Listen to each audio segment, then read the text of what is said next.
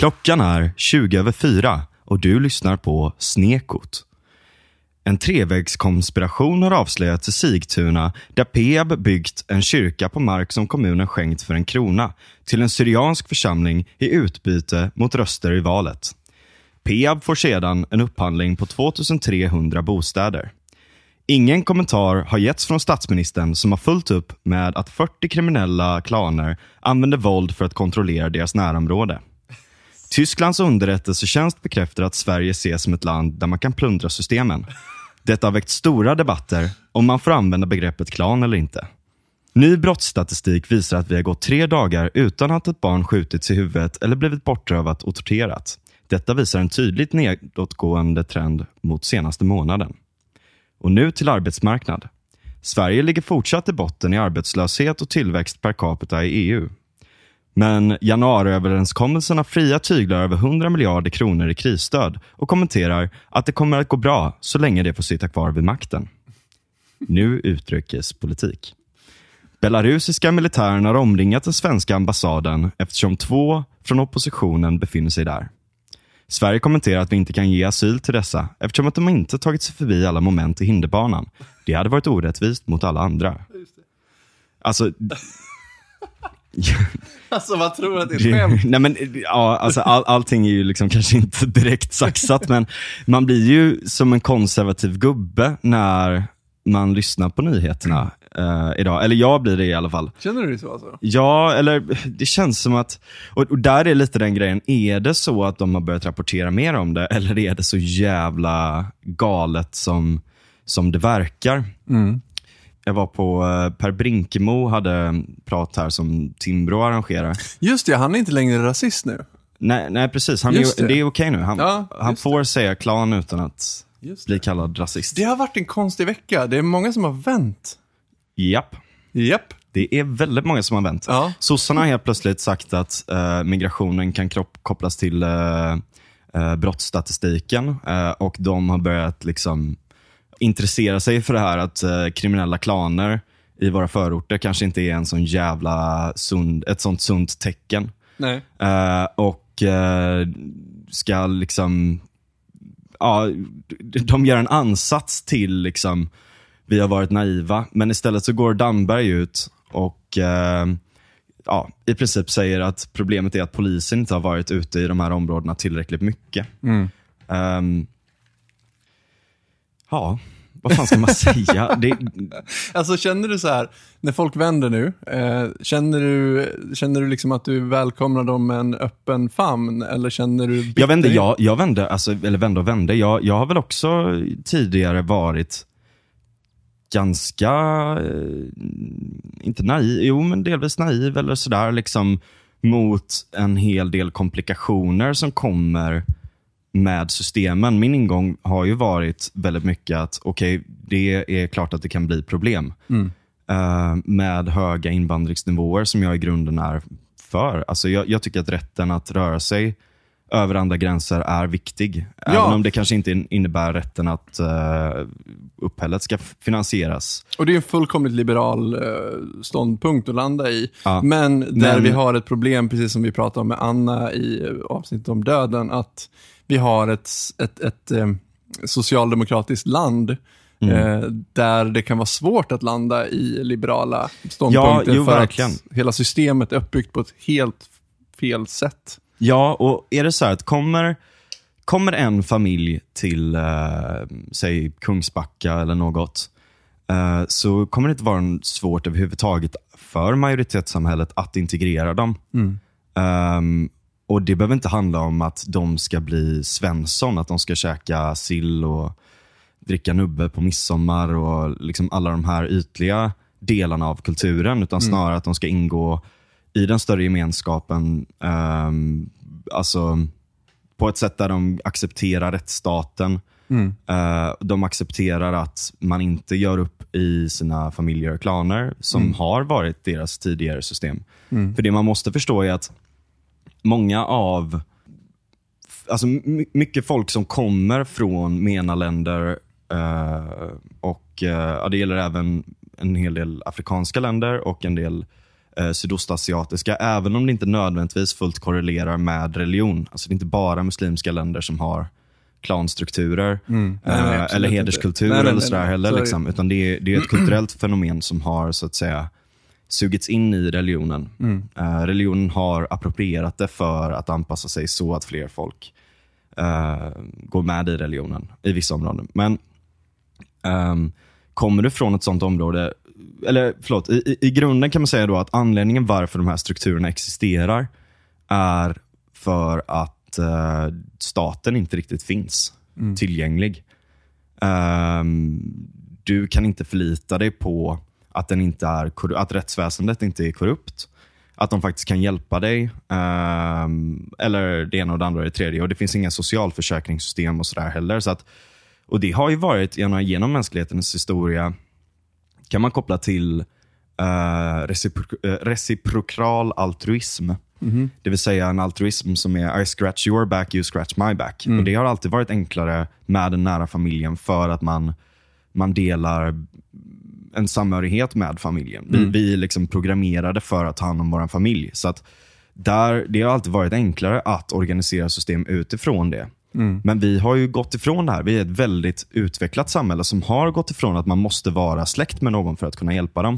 Ja, vi har ju utvecklat ett extremt statsindividualistiskt samhälle där vi är egentligen inte beroende av våra familjer och släkter så mycket, utan vi är mer beroende direkt med staten. Exakt. Eh, det känns som en väldigt protestantisk idé från första början, liksom, att du har direkt kontakt med Gud. Medan i Sverige så har staten tagit Guds plats. Jo, lite så. Ja. Eh, och Det man kan säga är att problemet med problemet med de här klanstrukturerna, eller problemet med hederskultur och problemet med alla de här sakerna, är ju att det sker i egen intresse av klanen och de här patriarkerna som styr dem. Eh, och Det finns ju väldigt, väldigt stora problem där. Är du en kvinna så har du inte så jättemycket att säga till om i många fall. Ehm, om du blir bort, bortgift eller så. Jag menar, det är till och med, jag, alltså, ibland kan liksom människor giftas bort av strategiska syften till och med. Alltså som man Absolut. gjorde i princip på Um, nu har jag spelat väldigt mycket där. Crusader Kings, som Ja. utspelar sig på 836 eh, och framåt. Liksom. Och Där gör man ju det av strategiska skäl. Och Då tänker man så här, okej, är vi liksom fortfarande kvar där? Typ. Ehm, och Så förupplysningsgrej, eller ja, när var det man uppfann kärleken? alltså att man gifte sig utav kärlek. Det var väl ja, typ det, där någon gång. ja, nu skulle min flickvän varit här, för hon är ju fan specialiserad på sånt. Ja. Ehm, Vi får men det är ganska med sent. henne, ja, jag. jag vet. Det ska vi. Ehm, men hon eh, nej, men hon har sagt, eller det, det är lite svårt att säga tror jag. Det finns Mm. lite olika eh, steg i det hela, men det är ganska sent tror jag. Alltså, det är så här 16, 17, jag vågar inte säga Mm. Nej, riktigt. nej, jag vågar faktiskt inte heller. Ehm, men, och, och grejen är att så här, det, det stora problemet här, tycker jag, för att jag menar absolut, man kan sitta och klaga på Ja, de är liksom outvecklade, de som kommer hit och det ena och det andra och det tredje. Men det, för det första så är det jävligt otrevligt sätt att se på det. För att många av de här människorna vill hit för att söka ett bättre upphälle. Ja, Eh, och det är ju- och har, må- många av dem har goda intentioner. Problemet är när du har när det blir tillräckligt många eh, som kommer för att de här strukturerna ska hänga kvar. Alltså, jämför en familj med 4000, då har du helt plötsligt ett... ehm, det, det blir enkelt helt enkelt att rätta sig i de gamla systemen för att man kan det. Ja, och det systemet vi har med statsindividualism och hela den biten gör ju att du har i princip noll incitament till att eh, liksom integreras i det övriga samhället, för du behöver inte göra det. Nej, för att du får bidrag. Ja, och, ja, och du, du liksom, eh, alla de naturliga incitamenten som, som finns när du flyttar till en ny plats, att lära känna människor och skaffa ett kontaktnät och allting sånt, Mm. det är ju helt eh, borta i Sverige, mer eller mindre. Alltså inte helt och hållet, men, men man, det är ju en stor del av själva grundproblemet, skulle jag säga. Ja, i Sverige. Och jag menar, om ditt liksom, uppehälle finansieras och du har ditt nätverk av människor som kommer från din kultur eller din, ditt hemland som talar samma språk som dig allt. Mm. ehm, då är det jag menar, eftersom att bidragssystemen är konstruerade som de är, så att varje krona du tjänar innebär en krona förlorat i bidrag, Ja. så tjänar du inte så mycket mer eh, på att ta ett låglönejobb. Nej. Eh, som kanske är det som du är Om du ens kvalificerad hittar till. något. Om, du ens hittar något. Ja, men det är klart det går att hitta låglönejobb. Det finns massa områden, alltså massa branscher i Sverige som har arbetsbrist. Mm. Ehm, det är inte det stora problemet, utan det stora problemet är att det är helt enkelt inte värt det. Nej, nej. Också för att man har haft socialtjänsten och dylikt har haft eh, en, en syn på eh, eller jag socialtjänsten kanske inte det, men eh, jag menar myndighet, eh, bara liksom, men myndigheter i allmänhet har haft en idé om att så här, ja, men en form av välvillig rasism. Så här, "Ja, men vi förstår, ni kan inte jobba och så vidare. och så vidare. Då är det ju då är det skitsvårt att komma hit och ge sig in i ett nytt nätverk och börja arbeta och få integrationen från det hållet. Eh, och Jag tänkte gå in lite mer på vad idéflöde mellan nätverk eh, av människor innebär senare. Ehm, men, men för att avsluta bara, bara det här lilla segmentet så kan man väl säga att jag, jag tycker att det är så fruktansvärt jobbigt att, att jag blir lite av en konservativ gubbe, men så fort man går in på Twitter, så fort man liksom kollar på nyheterna och allt sånt där, så känns det verkligen som att vi är i en fruktansvärt dålig situation i Sverige just nu. Och jag är ärligt talat jävligt orolig för, inte bara i nuet, utan för konsekvenserna framöver. Dels vad det innebär, framförallt vad det innebär för tilliten och samhällets grundvalar i Sverige. Och dels också ur ett utilita- utilitaristiskt perspektiv, att det känns som att vi lägger otroligt mycket pengar på någonting som inte hjälper människor. Utan till och med går ut över andra människor. Och Det är inte bra för någon. Nej. Och Då kan man fråga sig, hur kan det vara så att vi, som ändå ses som ett land som har så god institu- institutionell miljö eh, och vi har smarta människor och det ena och det andra och det tredje. Hur kan inte vi konkurrera ut deras klansystem? Och Hur kan vi inte ge dem en bättre möjlighet än att vara kvar i de här kriminella klanerna? Ja, det är ju det som är grejen. Jag menar, jag vet att Fredrik Segerfeldt sa det någon gång eh, om, apropå hederskultur, att eh, hederskultur kommer ju existera vare sig det är kvar i de länderna det kommer ifrån eller om det är här. Men det som är skillnaden när det är här, då kan vi i alla fall ta itu med de problemen och skydda de individer som utsätts för det här på ett helt annat sätt. Det är väldigt sant. Men i den situationen vi befinner oss i nu, kan, kan vi ens göra det? Alltså, vad, blir... Ja. Vad blir vad krävs för att vi ska kunna göra ja, det? precis.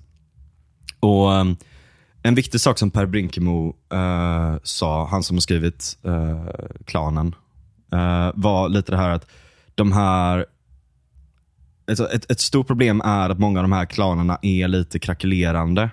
Och ehm, i det maktvakuumet så uppstår väldigt mycket våldsamheter. Det kan vara så att det beror på att man börjar konkurrera ut dem med både ideal, moral, dygder och det ena och det andra och det tredje, eller en syn på staten och allt sånt där. Eller polisarbete och så. Eh, men att i, under den övergångsperioden så, så händer väldigt mycket våldsamheter. Med folk som är rotlösa helt enkelt. Står i ett mellanförskap mellan det här klanen och det som egentligen var en stabil, om en dålig struktur. Och den andra strukturen som de inte är integrerade i, det vill säga rättsstaten och samhället. Ehm, men i allt det här så, så undrar man hur, alltså hur har det tagit, varför tar det så lång tid? Och är det verkligen, kan vi med gott samvete fortsätta ha höga nivåer av invandring när vi inte kan integrera de som är här? När det leder till så stora problem. Hur gör vi det bättre? Eh, för att om man är för invandring, om man är för att hjälpa människor på det sättet eller ge folk rätten på det sättet. Alltså vare sig det är utilitaristiskt eller rättsetiskt eller vad som helst. Så b- borde man ju sikta mot ett system som faktiskt är effektivt och som faktiskt fungerar och som i slutändan maximerar antal människor som man ger rätten eller som man kan hjälpa. Och Det känns som att vi inte är där Nej. överhuvudtaget. Det Nej. känns som att det har varit så fruktansvärt dåliga försök till att åtgärda detta. Och Därför blir det, det blir som ett hån varje gång Socialdemokraterna kommer med det här. Åh, vi har varit naiva. Åh, vi har gjort fel. Lalalala. Vet, hela den skiten. För att det känns som att de inte gör någonting. Nej. De gör någon jävla satsning eller kommer med något uttalande och så, och så händer ingenting på riktigt. Mm. Det är fan party bredvid alltså. Ja, jävligt mycket party. Ja, du känns bitter nu. Du känns Ja. uppgiven. Jag har aldrig sett dig så här. Nej, nej, men jag, och jag hatar att vara uppgiven. Ja, du ska ju vara glad. Ja, jag vet. Jag vet. Jag ska försöka. Ja.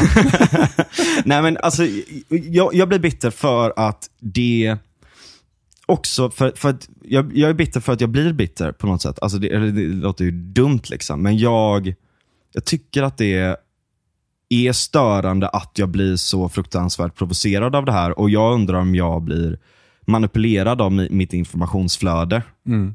Till, och det kommer jag gå in på sen också, att b- beroende på vilka man följer eller allt sånt där. Eh, eller att det även är så att media kanske har börjat rapportera om det mer. Att det kanske inte är så stort problem som man egentligen tror, men det verkar ju vara det. Och Då blir jag bitter över att det inte görs någonting av det. Så att det är liksom flera aspekter i det här. Hur fan ska man orientera sig i när varje gång man läser nyheterna så är det som att bara så här, hur kunde det här hända?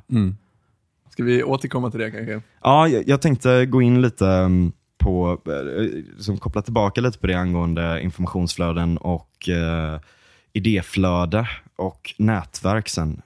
Men, eh, och, och lite vad jag har pluggat på sistone. Men du har ju en väldigt stark sak på hjärtat innan det. Ja, och det har ju också med mitt eh, plugg att göra. Jag, jag läser ju juridik och eh, då fick vi reda på ganska tidigt att eh, vi skulle ha en sustainability day, eh, alltså en hållbarhetsdag.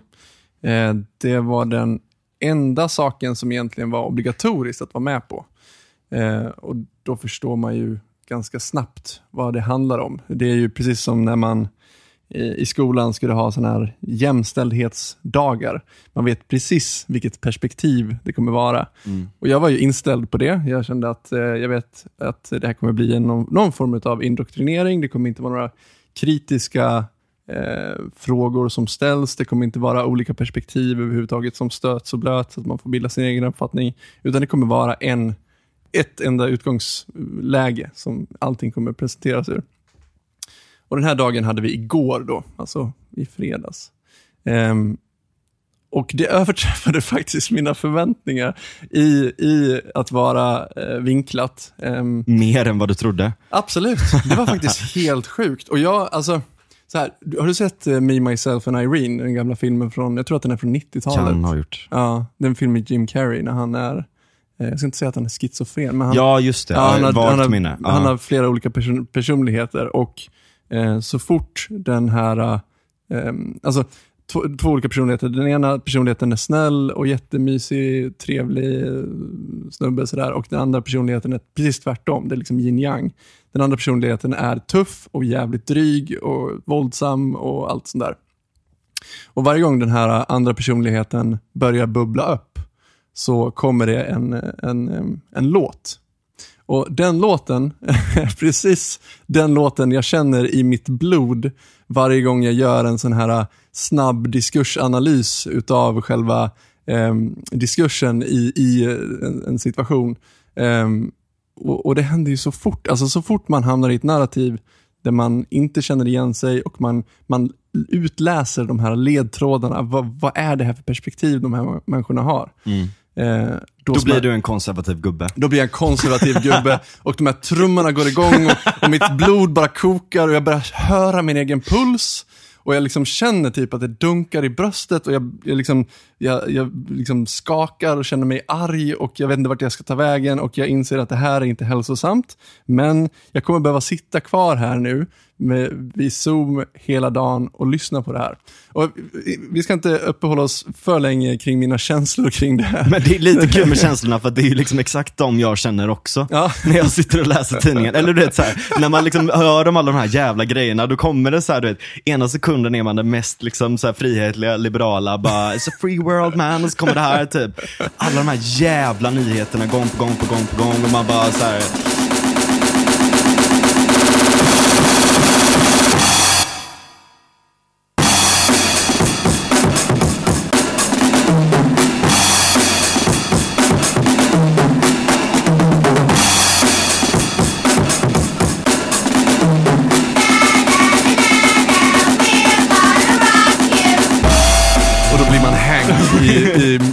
Myself and Irene. ja. Eh, Men i alla fall, jag tänkte läsa lite grann bara snabbt vad, hur det här presenterades för oss inför den här dagen. Och då står det ett stycke i en ganska lång text. Eh, går det att tackla fattigdom, klimat, naturresursfrågor, frågor om jämlikhet och jämställdhet samt ekonomisk utveckling samtidigt? Eh, dagen började vid halv elva och då hade vi en liten föreläsning. Jag måste bara, pa snabb paus där. Ja, ja. Mm. En grej som jag blir så jävla rasande på, det är att Nu miljö... går trummorna igång. Du får klippa in dem igen. Eh, det, det är att eh, man, alltså att de, alltså nu säger jag ett jävligt vagt de här. Nej men att, rättare sagt att klimat, miljö och klimatfrågan har kapats av att de har liksom skohornat in eh, social justice eller jämlikhet i de frågorna. It's not the same fucking question. Det är Nej. två helt jävla olika saker. I know, I know. Och det är liksom som att de bara, men det är som att de har försökt kapa hela jävla skiten med att slänga in, ja, och lite socialism. Ja, vet, så här, ja, det är så vi ska rädda klimatet, vi ska göra det här för miljön, ba, ba, ba, ba, ba. Man bara, asbra, så lite socialism. Ja, vä- vänta, va? Vad fan säger du liksom? Ja, Kan, det, kan, kan vi inte prata om de här, vi- jorden håller på att gå under liksom. Ja, kan vi precis. inte prata om de här jävla frågorna istället för era Exakt. jävla låtsassamhällen som ni drömmer om? Ja, och det, här, det tog inte lång tid i den här första introducerande föreläsningen innan de kom in på jämlikhet. Och då var ju den här klassiska grejen. Visste ni att eh, ungefär 1% av världens, befolk- eller världens rikaste befolkning äger ungefär bla bla bla procent av världens rikedomar? Mm. Eh, och då ska man typ intuitivt förstå att det här är ett problem för det första. Och jag fattar inte riktigt vad problemet var, men... Men det är också en, en, rolig, en rolig kommentar till det, att de, eh, när, när man har analyserat, tagit fram de eh, siffrorna, Mm. så mäter du tillgångar minus skulder. Vilket innebär att eh, en person Ja, ja. som har tagit ett stort lån för att köpa en villa är fattigare än en femåring som har fått en femkrona. Ja, jag liksom. vet, jag vet. Det där är Ja. så dumt. Det där skulle vi kunna gå in på och liksom Men absolut, det finns stora klyftor i världen. Ja, Men de ja. här jävla klatschiga... Och det var det som var det roliga. Alltså så här, jag parafraserar nu, jag kommer inte ihåg exakt hur han sa det, jag vill inte spela in och spela upp, utan jag, jag tänkte det här ska jag komma ihåg. Och eh, när han presenterade de här siffrorna så, så sa han det, något sånt här. Eh, förhoppningsvis så, så kan vi lösa det här problemet på ett fredligt och civiliserat sätt genom regleringar och omfördelning. Alltså, jag ser det här som ett hot. Alltså vadå, vadå ett fredligt och förhoppningsvis på ett fredligt och civiliserat? Ska, ska du börja mörda folk som har pengar? Är det, är det liksom, De står där. och vad, och vad, är det här, vad är det för idé? Att så här, bara för att vissa människor har mycket pengar, betyder det att andra människor är fattiga? Nej, Ja. det är inget jävla nollsummespel. Det är som att När Lukasjenko står där med, med liksom militären, förhoppningsvis ska vi kunna lösa det här på ett fredligt sätt. Så att jag kan fortsätta vara president. Alltså det är, ja, det, det är så sjukt. Och, och där kan vi liksom bara så här, man kan, man kan tycka att, att det är provocerande att, att, my, att, att få människor har väldigt mycket pengar. Jag, jag ser inte det personligen, varför det skulle vara provocerande. Men, men vissa människor liksom gör Ja, för de tror att det är ett nollsummespel. Precis, förmodligen. Eh, och jag menar, det finns ju många, många bra poänger att lyfta med att vi har enorma klyftor också. Eh, jag, jag läste, jag googlade runt lite grann, för jag kommer ihåg att jag läste en nyhet om, du vet det här äh, mm, artificiella köttet man har tagit fram. Ehm, och det började man ju med 2013 tror jag det var. Eh, och den första hamburgaren de gjorde, vet du hur mycket den kostade? 10 000 dollar typ. Eh, 280 000 dollar Oh shit. Ja. kostade första. Eh, vet du vad de beräknar att den kommer kosta nästa år? Nej. 10 dollar. Oh my fucking god vad Ja. gött. Och då undrar man ju, vad, vad har hänt där Ja. emellan? Jo, folk med pengar har gått Ja. in. Och inser att så här, shit vad nice liksom. Mm, det här precis. kommer vi tjäna big bucks på. Precis, svinbra. Mm. Så att det har liksom så här tagit ner produktionskostnaderna. De har blivit Jag bättre kommer och att börja köpa det hela tiden. Ja, alltså förstår du vilken miljölösning det här skulle kunna vara? Ja, ja, ja. Det är en innovation som bara så här... Men också rent etiskt. Alltså ja, jag, använder, ja, absolut. jag äter inte kött på grund av etiska, eller jag äter kött ibland, men jag försöker att äta lite kött på grund av etiska anledningar. Mm. Det är därför jag är så sojapojke. Jag, jag äter faktiskt inte kött alls, men det är av, av ren lättja. För att Ja. jag blev tillsammans med en vegetarian och jag kände inte att det var värt att steka en köttbit varje gång vi skulle ha mat. Nej, nej. eller varje gång vi skulle käka någonting, för att så mycket bryr jag mig inte. Eh, en annan sak som de tog upp som jag tyckte var väldigt intressant, som jag inte trodde var ehm, en idé som fortfarande existerade, det var det här med överbefolkning. Va? Ja, Allvarligt talat? allvarligt talat. Oj. Hur löser vi det här med resursbristen när vi, när vi blir fler och fler människor på planeten? Och jag kände bara så här, vänta nu, det här är en myt som är så in i helvete seglivad. Alltså det här är en myt som, har- vet du, vet du hur gammal den här myten är? Ja, nej, det vet jag inte. Den är över, den är över 200 år gammal. Ja. Eh, redan i slutet av 1700-talet så var det en snubbe som, ehm, satt, som bara kom till insikt och bara så här, shit, människor um, förökar sig exponentiellt. Mm. Eh, matproduktionen hänger inte med. Mm. Så att vi kommer ju svälta ihjäl. Är det inte det som den här A Modest Proposal, proposal är också? Vadå? Den, eh, jag kommer inte ihåg vem det är som har gjort den, men, men det- så här, a, a modest proposal, så här, att eh, på grund av överbefolkningen så kan vi bara döda människor eller något sånt där. Jag kommer, jag kommer till det också. För att grejen var att så här, det, eh, när, sen, alltså först hade vi den här föreläsningen då, som var liksom någon sorts introduktion och sen fick vi välja tre stycken olika föreläsningar att gå på. Eh, och då valde jag den som hette Varför sabbar vi miljön? Mm. Eh, och den föreläsningen började med att eh, eh, de introducerade den med att prata om den här boken som Jared Diamond skrev eh, 2005. Den kom ut 2005, den heter Collapse. Eh, och i den så, jag har inte läst den själv eh, och det är egentligen inte så relevant, utan jag, det jag vill lyfta är hur de valde att presentera den. Eh, och då pratar de om Påskön. Eh, och för er som inte vet vad Påskön är så är det en ö som ligger eh, långt ut i havet, i Stilla havet. Lång, alltså, jag tror att det är två eller 300 mil ifrån Chiles kust. Eh, där, Påskkaninen kommer ifrån. ja, kanske. Nej, jag har. Nej, men det är ju de här stora stenansiktena som står Mm. på den här. Som Eh. dessutom inte bara är ansikten utan hela, alltså det, är ju, de har ju under sig också, alltså det är ju människor, eller de har ju liksom kroppar under sig. Nej, Jo. nej, Jo. nu hittar du bara på. jag lovar. Kolla här. Men, men, ja, men i alla fall. ehm, själva mm, idén här bakom, eh, det var liksom att så här, eh, det här är en sån ö där eh, individer har ehm, utnyttjat res, eh, naturresurserna till max tills de har liksom allt är utplånat och därefter dog de själva. Liksom. Ja. Och då berättar de att eh, man kan ju tänka sig att, eh, att människor hade bott där i tusentals år i harmoni med, med naturen och sen kom européerna och då gick allt åt helvete. Mm. Men inte, så var det inte, utan det var faktiskt eh, till och med de första människorna som kom dit, de här urinvånarna. Det var till och med Sa de det? Som, ja, och jag var så här, jag var tvungen att säga det. Jag var så här, okej, så att den här Jared Diamond, han är typ eh, Rousseau på crack. Liksom. Han, han, han, han liksom förordar inte bara så här, den ädle vilde idealen, utan, det är liksom eh, mänskligheten som sådan är en cancer på planeten. Är, är det liksom det som är poängen? De fattade inte vad jag, vad jag försökte fiska efter överhuvudtaget med den lik- liknelsen. Ehm, men, men, men just den här idén om att mänskligheten är som en cancer på planeten som bara liksom förbrukar resurser och liksom, li- liksom som, en parasit. Liksom. Mm. Det, alltså det, åh, jag blir så provocerad. Eh, och så lyfter de upp det och bara säger, ja, det, det här är ju ungefär vad som händer i, i världen just nu. Liksom. Och för att återknyta då till överbefolkningsfrågan då, som, Mm.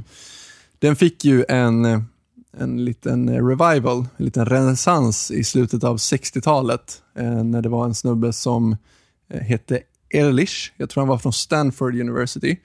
Eh, kommer inte riktigt ihåg vad, vad han har för titel, vad han forskar inom eller så. Men han eh, skrev en bok som hette Befolkningsexplosionen. Just som kom ut då.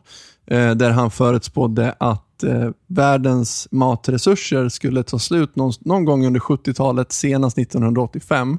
Och då skulle eh, hundratals miljoner människor svälta ihjäl. Mm. Alltså jag tror att han beräknade någonting kring en, en femtedel av eh, världens befolkning. Eh, och Jag har ett citat här från honom. Då säger han så här. Cancer är en okontrollerbar förökning av celler. Befolkningsexplosionen är en okontrollerbar förökning av människor. Vi måste gå från att behandla symptomen till att skära bort själva cancern. Operationen kommer kräva många syn... synbar- Förhoppningsvis på ett fredligt sätt. Ja. Operationen kommer kräva många synbarligen brutala och hjärtlösa beslut. Smärtan kan bli intensiv, men sjukdomen har gått så långt att endast radikal kirurgi kan få patienten att överleva. Alltså förstår du vilken människosyn vi pratar om här? Förstår, förstår du vilken jävla människosyn det här är? Ja. Och det här? Och det var inte som att han var någon perifer filur, liksom, som bara så här, han är en galning, han är liksom en flat earther på 60-talet. Nej, Nej. Han, han liksom blev omfamnad av etablissemanget på den tiden. Ja. Han, jag tror han var med i Carson, eh, som var en eh, talkshow i USA på 60, 70, 80-talet tror jag det var. Jag, tror inte, jag kommer inte ihåg exakt hur länge han höll på. Eh, Jag tror han var med där typ 20 gånger eller någonting. Så han var liksom dåtidens Greta Thunberg, skulle man kunna säga. Eh, och sen vet vi hur det har gått. Liksom. Hade det inte varit lite roligt om Greta Thunberg började förespråka att man förhoppningsvis på ett fredligt sätt skulle liksom kirurgiskt rädda. Nej, alltså min liknelse med Greta Thunberg var inte på grund av den aspekten, utan mer det här att... Men det hade varit så jävla härligt liksom, för att hon är så här, ja, men just för att hon är så här ung tjej som är så här, ja, jag tycker vi ska ta hand om planeten, så därför ska vi mörda människor.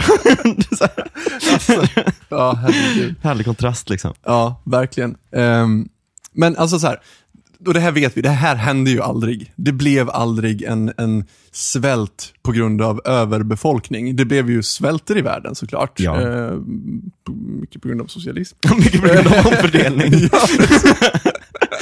Ja, men faktiskt, eh, det skulle man kunna gå in i djupare, men, Ja. men jag bara lämnar det därhän så Ja. får man eh, göra... lämnar det åt lyssnarna Precis. att tänka och, på. Och då ska man ha med sig att så här, sen han skrev den här boken så har vi mer än fördubblat antal människor på planeten. Mm. Eh, vi har blivit, eh, alltså vi har ökat vår medellivslängd med ungefär 15 till 20 år. Eh, och vi har blivit så enormt mycket rikare per capita i världen. Och då undrar man ju, vad beror det här på? Hur kommer det sig att vi liksom blev så, alltså, alltså absolut inte blev eh, den här dystopiska framtiden som han förutspådde. I wonder why. Jag undrar vad som hände. Har du, Mm. nå- har du någon eh, idé där? Ja, uppenbarligen var det aliens. Ja, ja. Ja. Det är så, så vi kan förklara Som allt. kom ner och gav oss the knowledge Precis. om hur man ska, hur man ska trolla fram mat.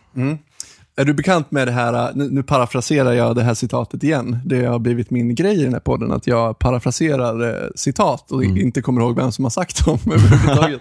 Men eh, det här citatet, eh, den som tror att evig tillväxt på en ändlig planet, eh, den som tror att vi kan ha e- evig tillväxt på en ändlig planet, är antingen en galning eller en ekonom. Ja, Känner du igen det? känner absolut igen det. Det är ett sånt här slagord som folk bara så här, ja, ja, fan, ekonomer, så de, jävla deep. Ja, Ja. de är så jävla korkade. De sitter i sin, med sina tänkarmössor och, i teori, te, och te, teoretiserar kring liksom, eh, det här och de, de förstår inte att vi lever på en ändlig planet. Liksom. Ja. Och då är ju saken, vad var det som hände? Vad var det som gjorde att vi överlevde och att det inte blev en, en masssvält? ja. Jo, Teknologi. vi utvecklades. Ja. Vi blev bättre. Tänk att. Vi blev bättre hela tiden. Vi effektiviserade. Vi lärde oss ta fram mat med mycket mindre resursanvändning. Ja. Nu har vi för fan snart kött som vi kan ta fram i laboratorium som inte kostar någonting. Vi kommer inte behöva ha Alltså, vi kommer inte behöva ha miljarder kor som springer runt på den här planeten längre. Nej. Eh, alltså, det, det är sånt här, det, de här sakerna, det är utveckling som är det som gör att vi eh, överlever. Mm. Och, och, och då skulle man kunna koppla det till hela den här klimatrörelsen som gör en liknande prognos egentligen. De säger att ja, baserat på det vi är nu och den resursanvändning vi har nu och hur vi lever just nu eh, och den befolkningstakt vi ser och så vidare, så kommer shit goes to, alltså vad säger man, shit, vad säger man, saker och ting kommer gå åt helvete snart. Liksom. Goes to shit. Ja, Shit goes to shit. precis. Och då, och då var det liksom i den här föreläsningen så Då var kommer shit goes to shit. shit goes to shit, det är det de säger. Ja, och i den här föreläsningen då så är ju, eh, de presenterar ju en lösning på de här problemen. Eh, och det var ju, kan du gissa vad lösningen var? Jag, jag. Socialistisk världsrepublik. Ja men typ. Ja, men typ. Alltså, de lösningarna de ville se, det var eh, politiska lösningar Ja.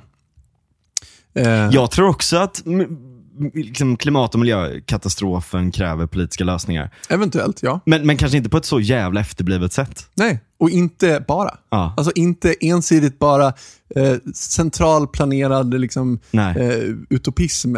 Mm. Det kanske inte är det som är lösningen den här gången heller. Nej. Eh, och jag, jag lyfte faktiskt det här, för att det här var ju, de hade någon sorts paneldiskussion som vi alltid har i Sverige. Vi har ju aldrig debatter i Sverige. Mm. Nej, nej. Det finns ju inga debatter i Sverige. Nej.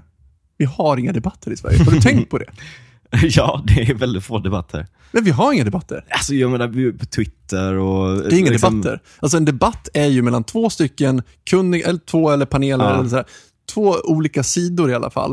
Eh, Ja. Med kunniga människor som har en strukturerad diskussion där de får bemöta och lägga fram argument på ett civiliserat sätt. Ja. Händer inte i Sverige. Nej. Jag kan inte komma ihåg att vi någonsin har haft det. Nej. Nej. Utan det man har i Sverige det är att man har en panel med folk som tycker ungefär likadant och sen är det det vi presenteras. Ja.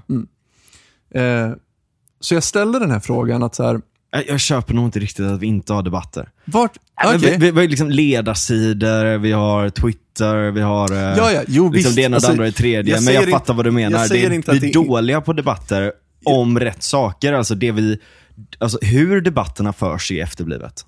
Ja, ja. Och Ja. vi har inga... Alltså så här, det är klart att det föregår... Alltså jag skulle säga snarare att det är någon form av diskussioner. Det är klart att vi har diskussioner i Sverige. Mm. Men vi har inte de här regelrätta debatterna. Nej. Som, vi har ingen debattkultur i Sverige. Om du tittar på till exempel eh, Storbritannien har ju eh, en lång debattkultur. Mm. Eh, Frankrike ska vi inte prata om. Liksom. Där, alltså, det som jag älskar med England är också att de kan shitposta så jävla hårt. Ja, Liksom banter to the extreme, typ, utan att folk bara blir så jävla gnälliga och ängsliga. Liksom. Mm. ja, det är inte lika mycket konsensussökeri där. Nej. Nej. Men jag, jag ställde faktiskt den här frågan ehm, till dem. ehm, för att de presenterade... Alltså, det som var så roligt i det här, det var att de tog också upp eh, exemplet med Henry Ford, Mm. som skapade bilen då i slutet av 1800-talet. Eh, och då tog de fram det här citatet av honom att så här, hade jag frågat folk vad de ville ha, så hade folk sagt att de ville ha en snabbare häst. Typ. Och då var det så här, vi ska vara i framkant när det kommer till politiken. Vi ska vara i framkant och vi ska förstå vart det kommer ifrån. Alltså, så här, och, alltså vart, vart liksom innovationer kommer ifrån. Ja. Eh, och jag kände bara att så här, men vänta nu. Vi vet inte. Du är inget jävla orakel, Nej, liksom vi- poängen är- hobbyschaman. Poängen är att vi vet inte vart innovationer kommer ifrån. Hade vi vetat Ja. det, då hade vi kunnat gjort riktade insatser. Vi hade, kunnat, vi hade för fan inte ens behövt haft innovationer om vi hade vetat om dem på förhand. Då hade det Ja. varit en innovation i sig. Så att politiken kommer aldrig kunna eh, rikta pengar till där det kommer, liksom, innovationerna Nej, kommer precis. komma ifrån. Och, och där kan man säga de största jävla hoten mot, eh, alltså inte de största hoten, men, men några riktigt jävla stora hot mot klimaten har ju varit just det här tänket. Mm. Om vi ser, ehm, om vi börjar med Tyskland, när de avvecklade sin kärnkraft, Mm. för att politikerna tänkte, om vi bara får bestämma så kommer det bli mycket mer solkraft och det ena, det andra och det tredje. Och det Mm. kommer lösa allting. För att om vi tar bort kärnkraften, då helt plötsligt så kommer det finnas ett utrymme som kan täckas upp av de här. Mm. Och så blir de beroende av olja och gas istället. och, och kol. Ja. De bränner fucking kol. Ja. Eh, kollar man på Sverige, Ja, när vi vi avvecklade ja. Ringhals, Ja, ja visst. vad hände då? Eller var det Ringhals eller Barsebäck? Det var Ringhals Jag tror jag. blandar alltid ihop dem. Ja, jag tror att det var Ringhals. Wha- Whatever. Ja. Ja, då började vi bränna olja. Mm. Och kolla på Kalifornien nu. De har också avvecklat ett kärnkraftverk. Vad fan tror du hände? Ja, de börjar också bränna skit. Och så helt plötsligt så står de där med liksom ökande jävla elkostnader som gör att folk i, i kombination med liksom coronakrisen och i, i allting som har gjort att de har en jävla liksom, total katastrof av hemlöshet, narkomani, brott och det ena och det andra det tredje nu. Bara för att det sitter centralplanerade politiker och tror att de är så jävla smarta. ja. Vad är det för jävla orakel de tror att de är? Ja, nej men de har en sån extrem övertro. På sig själva. På sig själva. Ja. Och det är ju det här, jag menar, okej, de kan ha tur också. Alltså, så här, vi, vi ska ju ge dem benefit of, of the doubt. Alltså, de kan ju ha så tur att de får nys om en skitbra grej och, och de kan satsa pengar direkt ditåt. Eh, men risken är ju också att de eh, tror att de har hittat den här grejen, satsar pengar ditåt, snedfördelar liksom, konkurrensen totalt i den branschen, vilket kanske eh, dödar den innovationen som kanske hade kunnat växa på naturlig väg. Eh, så att, Ja, precis. och, och då kommer vi ju aldrig få reda på om den överhuvudtaget existerar. Vi Ja. ser ju bara det politiken lyckas med. Vi ser ju aldrig det de misslyckas med. Men det, är ju, det tåls ju att ha i bakhuvudet. Ja, verkligen. Eh, och, och sånt här driver mig till vansinne. Och jag ställde den här frågan till dem. Eh, till exempel med flygskatter. Jag försökte liksom formulera det här problemet för dem. Så många gånger. Och de, de, de klarade inte ens av att svara på min fråga. Jag Ja. tror att de inte ens förstod vad jag pratade om. Och, jag försöker, och till slut så refererade jag till det här som, som Mises och Hayek har tagit upp. eh, Det här um, eh, ekonomiska kalkyleringsproblemet. För Mm. att ge någon form av liksom vägvisning till vad jag försökte säga. Ja. Och de hade aldrig hört talas om varken Mises eller Hayek. Och nu pratar vi om eh, nationalekonom som hade den här föreläsningen. Va? Mm. Oj. De fattade inte referensen.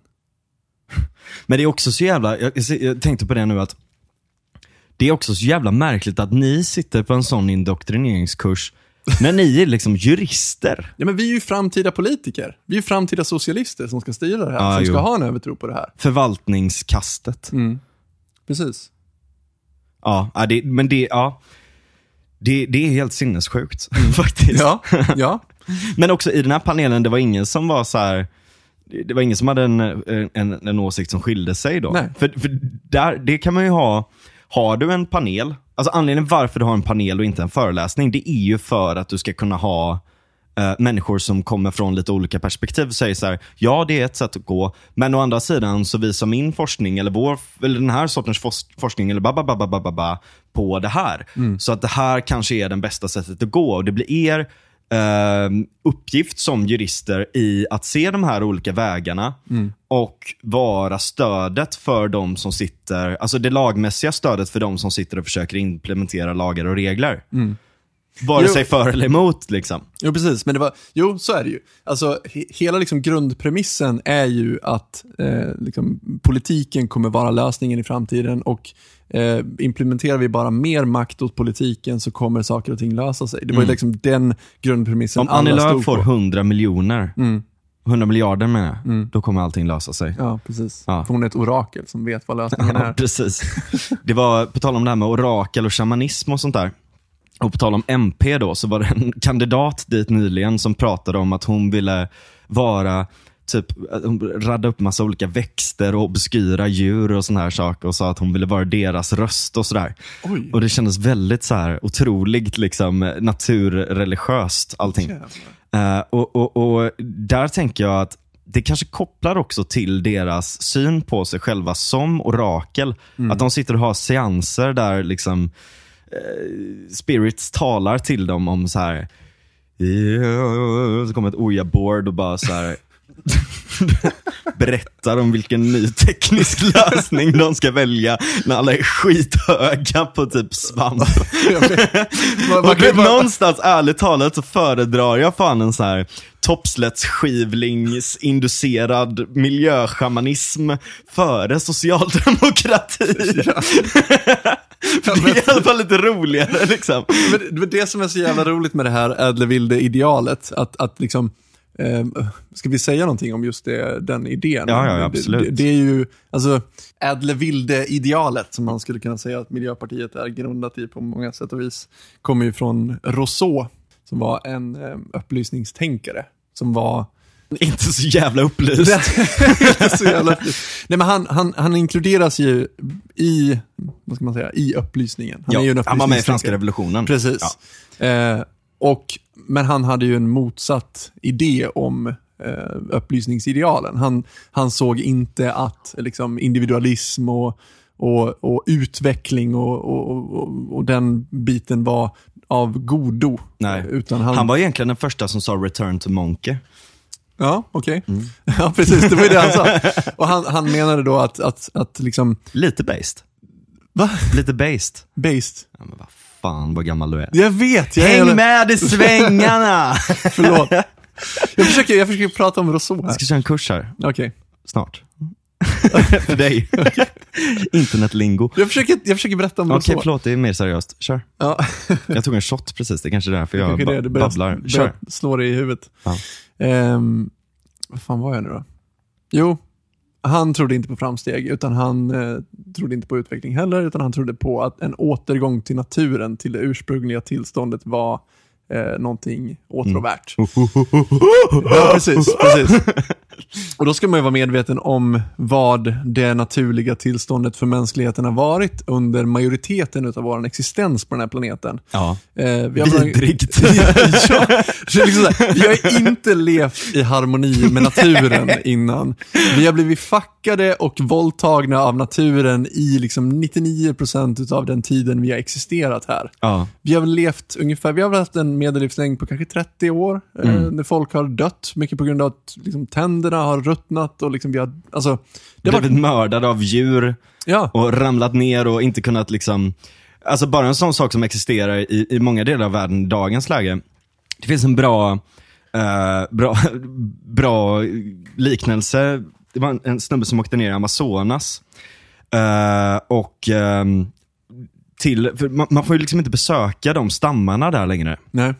Um, man får inte besöka de stammarna där längre. Och, um, för att det är ädla vildar som bor där? Ja, för att det är ädla vildar som bor där. Vi ska inte rucka på deras kultur. Okay. Uh, men de kommer ner med ett filmteam uh, och de ska göra en uh, liten grej då om dem och hur de har det nu och hur det ser ut där nere och allt sånt där.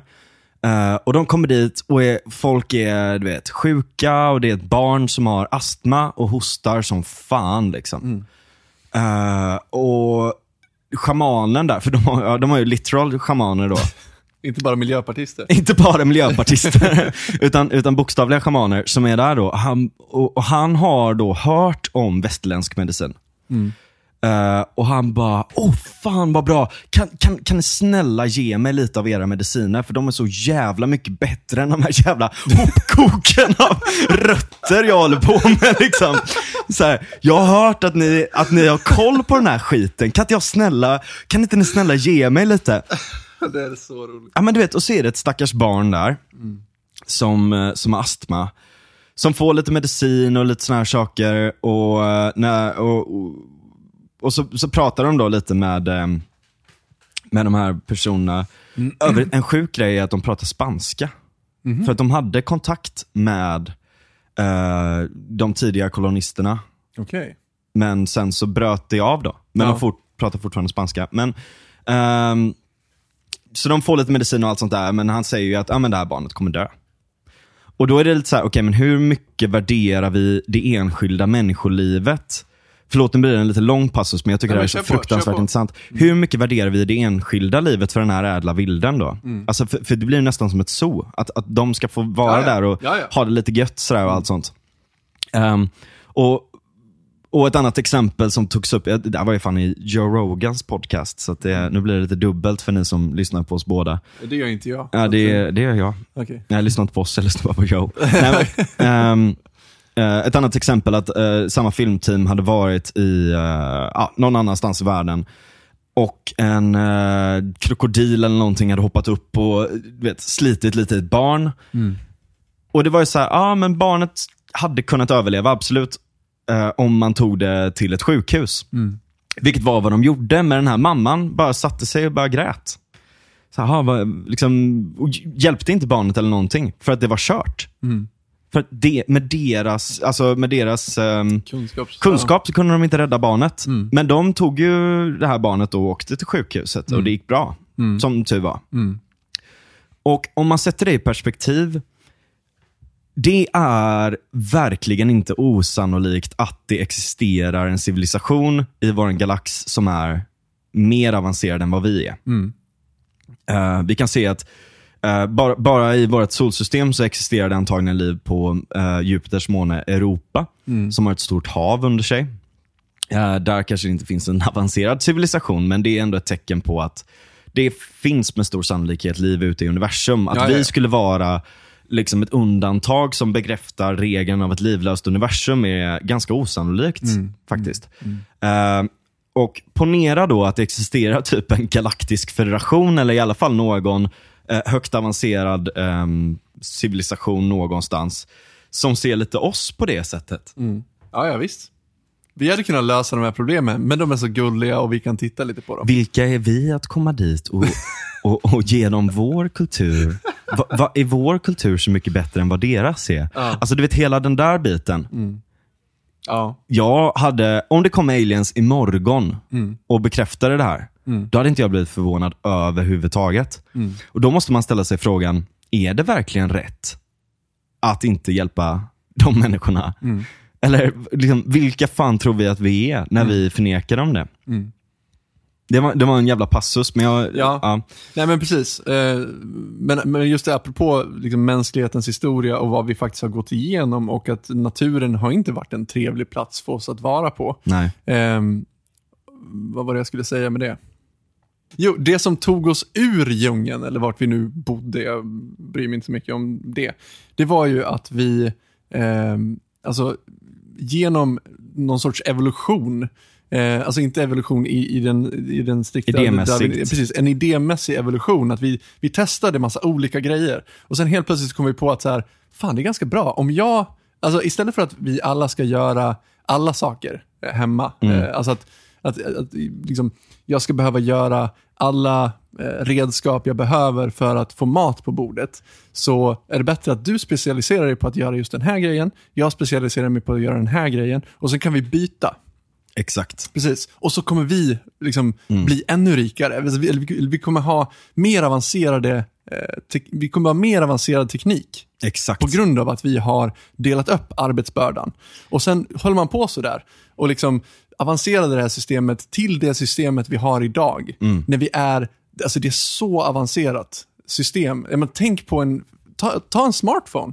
Jag tror att, på, på tal om Joe Rogan så såg jag någon av hans eh, stand-up specials för ett par år sedan.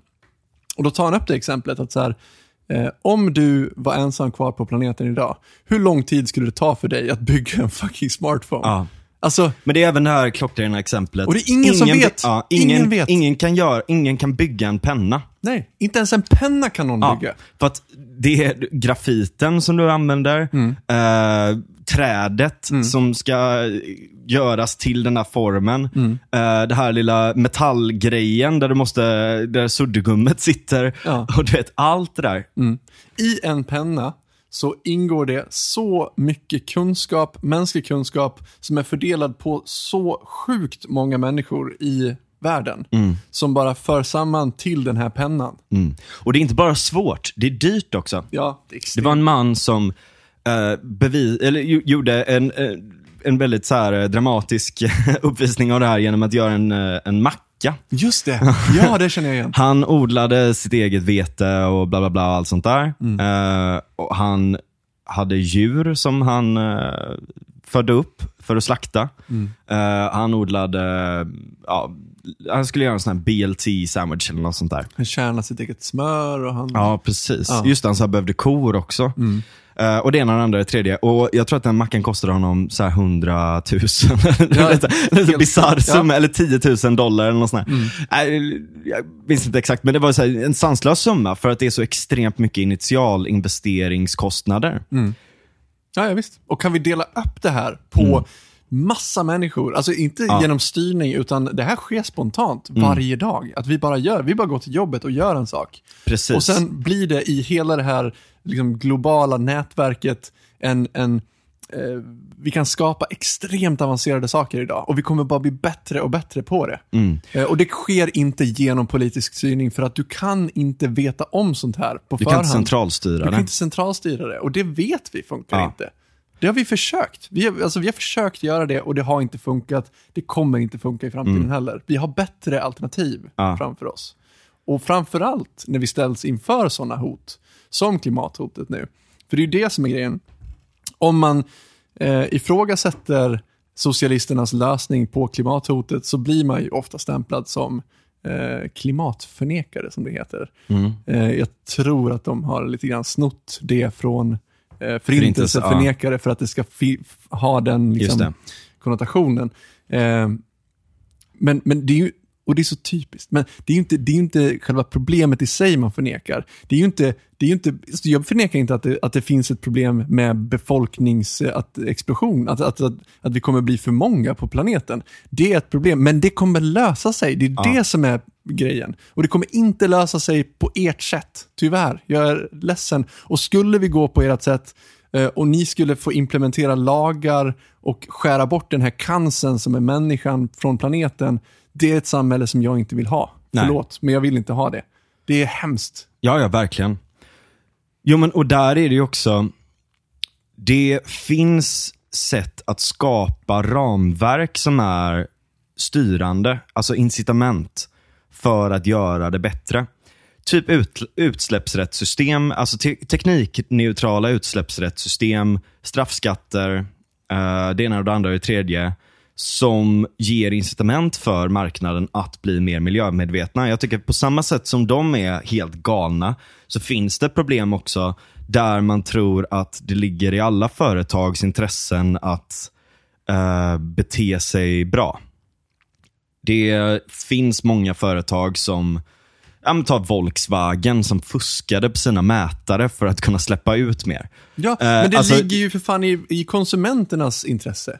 Ja, ja, men å andra sidan så, så här, vi, det är jävligt, vi, vi är i ett läge nu som är ganska akut. Ja. Och det behövs, eh, det behövs ramverk. Det behöver inte politisk styrning i exakt vilka lösningar som ska tas fram, men det behövs politiska ramverk för hur, eh, vad som är lönsamt helt enkelt. Eftersom att det är ganska, det, i vissa fall ganska effektivt sätt att eh, styra marknaden till att inte göra vissa saker.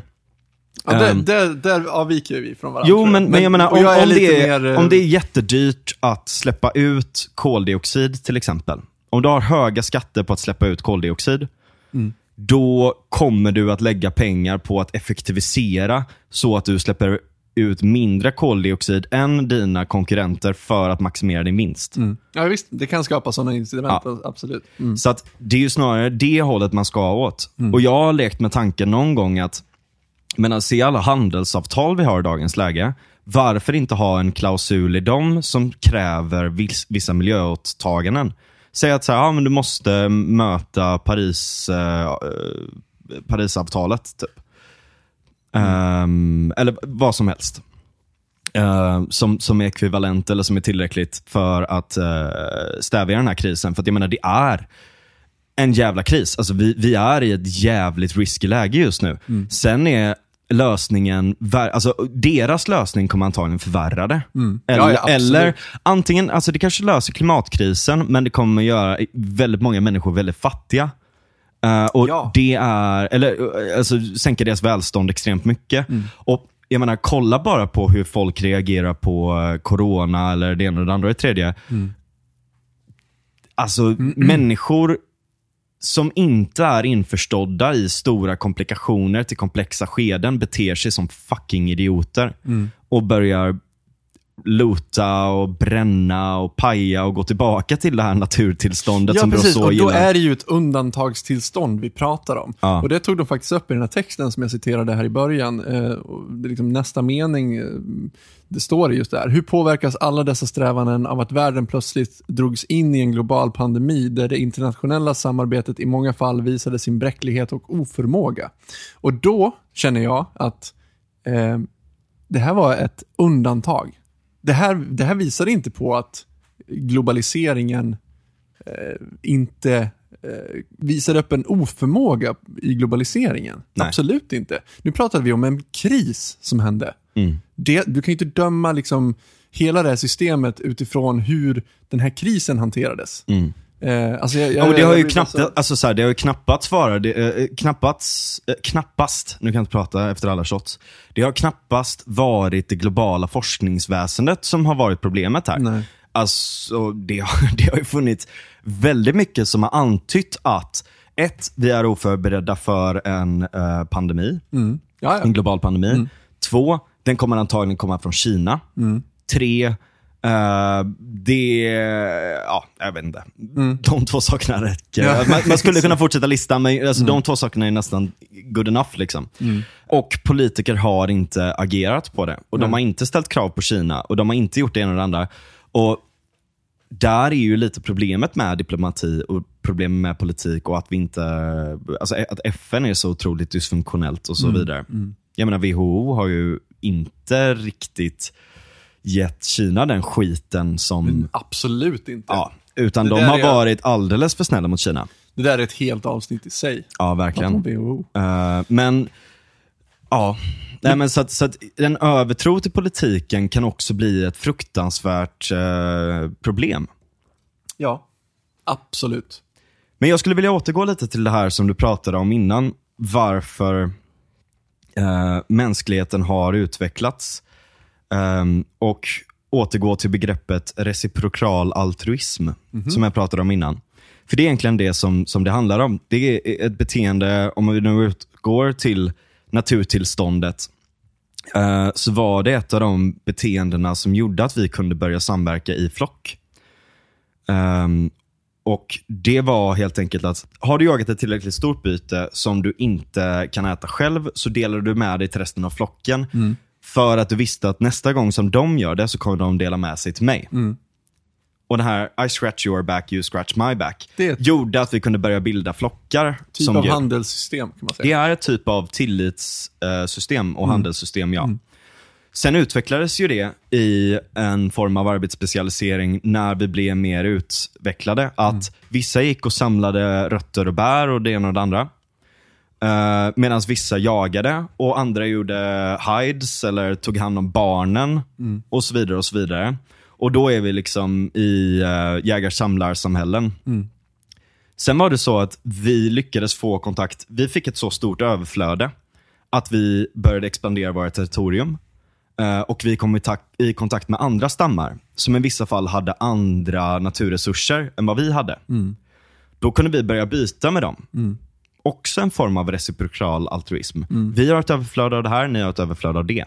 Vi byter. Men det gjorde också att med den här handeln så kunde informationsöverbyten också ske. För det var under de här perioderna som vi också utvecklade språk.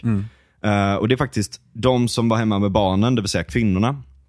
S- eh, när, de var, när de hade varit ute och hämtat uh, bär och bla, bla, bla, allt sånt där, de satt och tog hand om barnen, så te- är teorin då att det var de som började helt enkelt eh, utveckla språket. Det är därför kvinnor än idag faktiskt har bättre verbal intelligens och bättre emotionell intelligens. Jag tänkte segwaya det här in till eh, m- mitt lilla snack om big data här. eh, på ett snyggt sätt. Eh, eftersom att vad som händer sen då är att vi börjar få ett idéflöde mellan nätverk av människor. Ehm, det finns en forskare från MIT som heter Pentland som kallar det här social physics. Eh, och Det är helt enkelt att ja, idéer, ehm, och det kan man också man kan använda sig av ehm, begreppet memetik, där memes kommer ifrån också.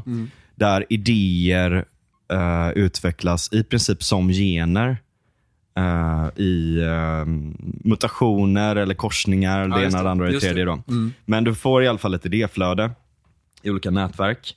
Ehm, och de börjar sprida sig mellan olika grupper av människor Mm. i en form av metaintelligens. Uh, där man kan säga alltså metaintelligensen av, alltså av mänskligheten i allmänhet. Mhm. Och du har det, Du får, du får man- säga det här på, ett, på svenska. Ja men okej, men men alltså så här, mänsklighetens totala intelligens och undermedvetna, kollektiva undermedvetna som man Mm. också har kallat det Mm. och så vidare. Ehm, En omedveten men kunskap. också kollektiva medvetna och undermedvetna. Så, här. så att idéer som hela mänskligheten har Mm. tillsammans och som utvecklas, som inte dör ut helt enkelt då. Mm. Men är det typ idéer som vi inte är medvetna om? Utan jo, vi kan att, vara medvetna om dem ja, också. okej. Men, men mer Ehm, som att vi agerar på dem varje dag? Det är alla, alla vet inte om, alltså varenda person på planeten vet inte om alla de här idéerna. Mm. Men eh, eftersom att idén har kristalliserats i form av medvetandet på enskilda personer i ett nätverksmönster. Mm. Så om en nod i det här nätverket dör så finns det fortfarande lagrat i de just andra det. som kan överföra det. Okej. Mm. Så eftersom att vi börjar ha handel, Mm. eftersom att vi börjar mötas på det här sättet, Mm. så innebär det också att om en stam dör ut av en eh, naturlig, det kan vara dels att det kommer en, en skogsbrand eller jävla flock av vargar som dödar dem eller diverse andra djur, Mm. så, så finns det fortfarande lagrat mellan människor. Mm. Ehm, och ehm, Det här har ju varit någonting som har utvecklats. Det är därför det tog så lång tid för oss att utveckla innan. För att det var liksom no, alltså information flödade otroligt långsamt. Mm.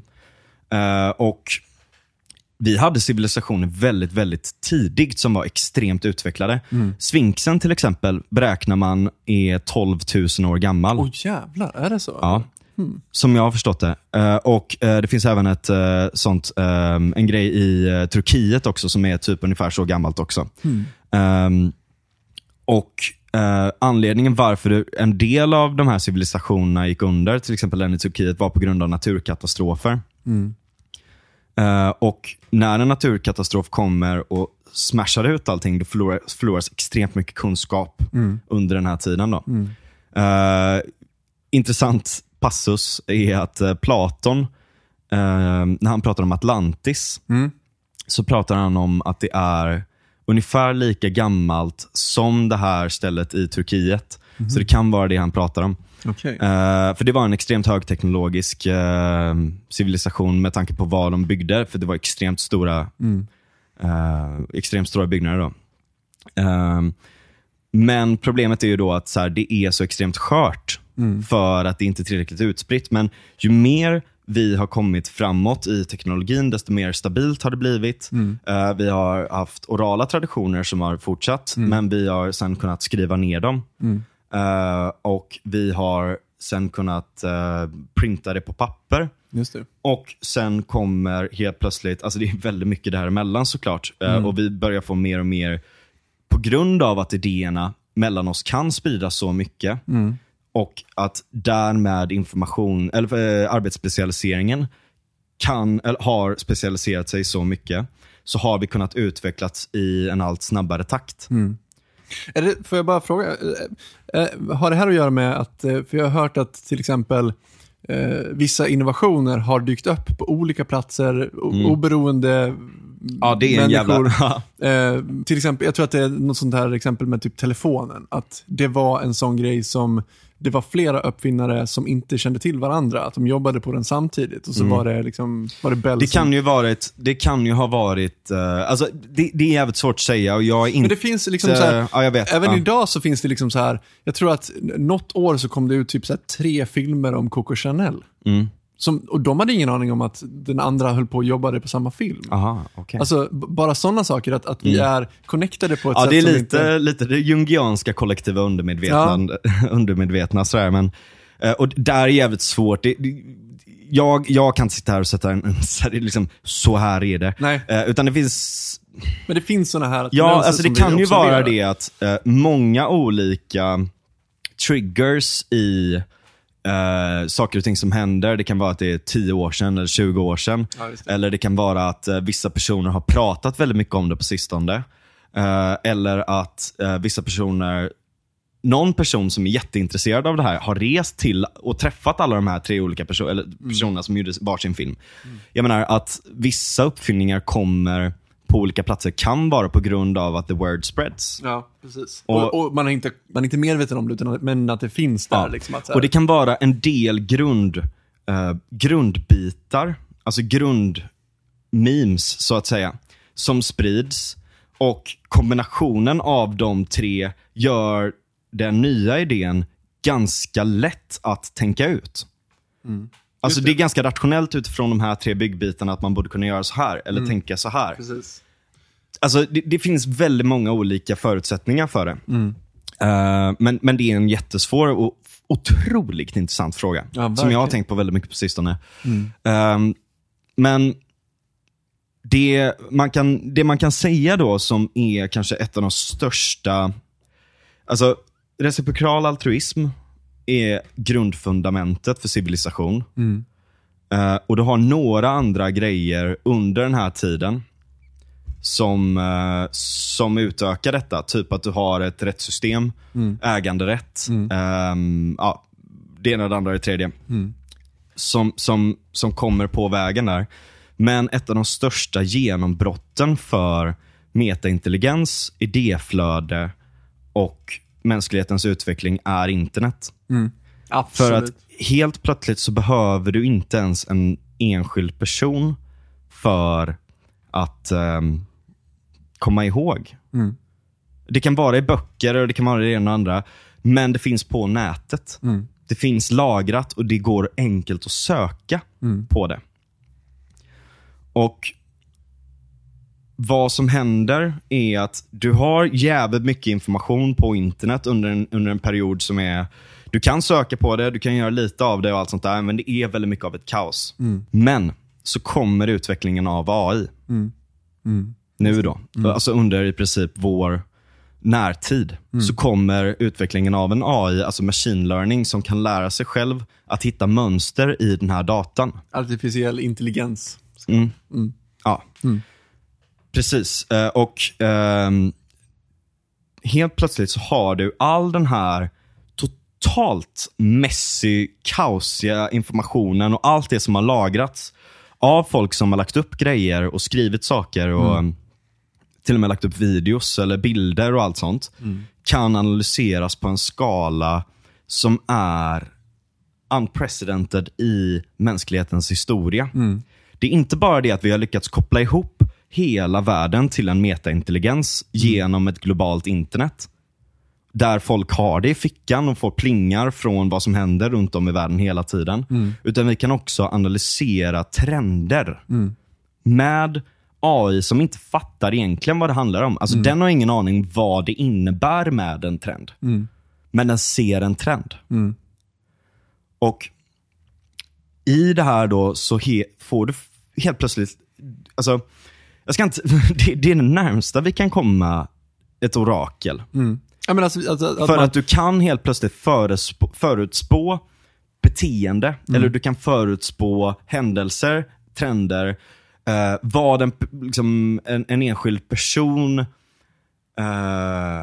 alltså du kan veta mer om en person än den själv Ja, vet om ja, sig själv. ja. För att den har inte alla de här psykologiska teorierna, den kan inte alla dem. nej. Men däremot så kan du ha en AI som, som hittar att det här, det här korrelerar till 87% med den här diagnosen till och med. Alltså du kan analysera schizofreni utifrån hur en person lägger upp posts.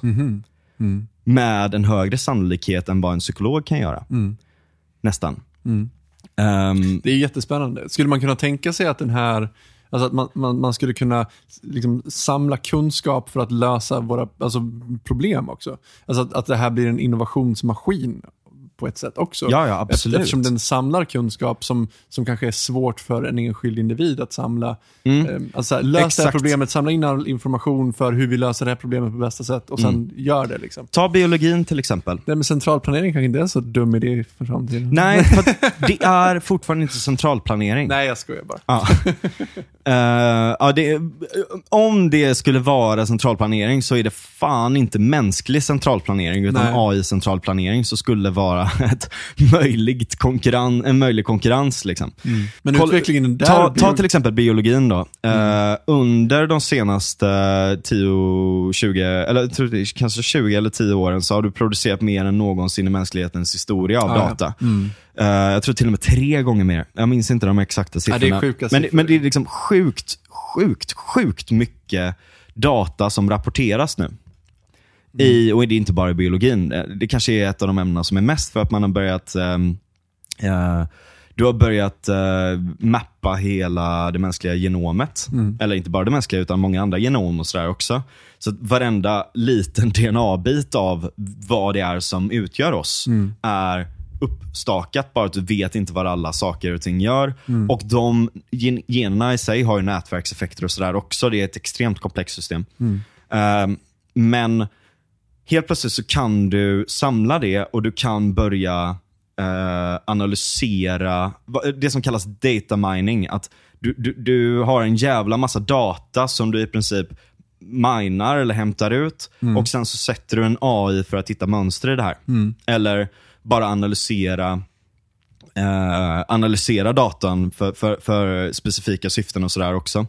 Och, eh, och det, här, det här sker ju inom väldigt många olika discipliner just nu, att det börjar komma upp. Ja, Det är Men, Men... ballt att, att, att liksom utveckling sker exponentiellt också. Så att Ja. liksom, nästa år är vi liksom längre fram än vad vi liksom har varit de senaste tio åren. Typ. Alltså, Ja, det, det går snabbare så. och snabbare och snabbare med utvecklingen. Liksom. Mm. Så att vart vi är om tio år, det, alltså, det, kan, det inte är ens, väldigt svårt. det kan inte ens en miljöpartist räkna ut. Och det man bör hålla mest koll på är nästan AI. Ehm, och, och big data i det här. Men sen är det också, alltså det svåra med det här, för man, ställer ofta frågan, eh, när, när kommer AI bli, eh, övervinna mänsklighetens eh, styrkor? När kommer AI bli bättre än oss?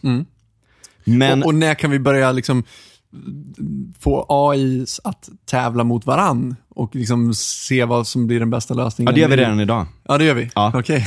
Eh, ta en sån sak som uh, uh, AlphaGo till exempel. Jag kommer göra en poäng om det här, att det är inte styrkorna som är problemet just nu, men b- en intressant passus då hur, hur det exempelvis kan funka när AI tävlar mot AI, är eh, det komplexa spelet AlphaGo, som är lite som eh, schack, fast mycket, mycket svårare.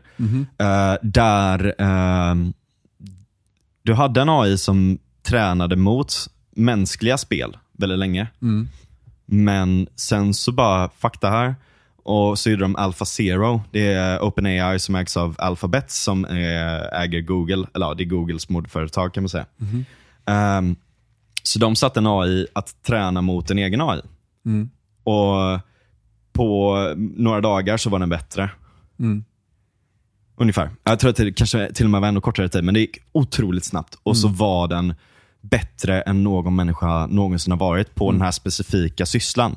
Och där är lite det som är grejen också, att vi tänker AI som att det ska bli så här generell intelligens, robotar som går runt och är typ lite som oss, fast kanske lite sämre eller lite bättre. Men det handlar om de här väldigt, väldigt specifika sysslorna. Analysera exakt de här mönstren, göra exakt den här sysslan och så vidare. Men mänsklighetens svagheter är nästan ett större problem för att det är där vi är i dagens läge. AI har blivit otroligt bra på att med all den datan som vi lämnar ifrån oss, det, alltså i princip det som jag pratade om innan, den mänskliga metaintelligensen och den individuella så att säga, det individuella beteendemönstret vi ger ifrån oss när vi lägger upp bilder på, YouTube, äh, bilder på Instagram, eh, statusar på Facebook, eh, tweets eller det ena ja. Allt det där vi lägger upp och alla, all information vi lägger upp kan den analysera för att se då, eh, som sagt, vilken personlighetstyp är vi? Är vi liksom, eh, har vi de här nästan har vi de här mentala sjukdomarna? Eller har vi ett impulsivt eh, beteende till det här eller det ena och det andra? Eh, och Med det så kan du också prediktera beteende. Och Det är det som man pratar om algoritmiseringen av mänskligheten. eh, att vi är ju skrivna i kod, DNA-kod. Och vårt beteende är ett resultat av det plus vår omgivning.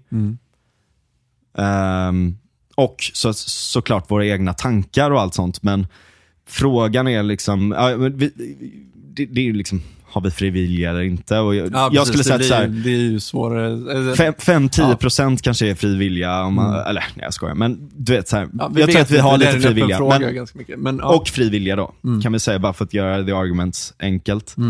Ehm, och då börjar den helt enkelt lära sig våra koder. Sociala koder, genetiska koder och så vidare. och så vidare. Som gör att man kan börja förändra beteende.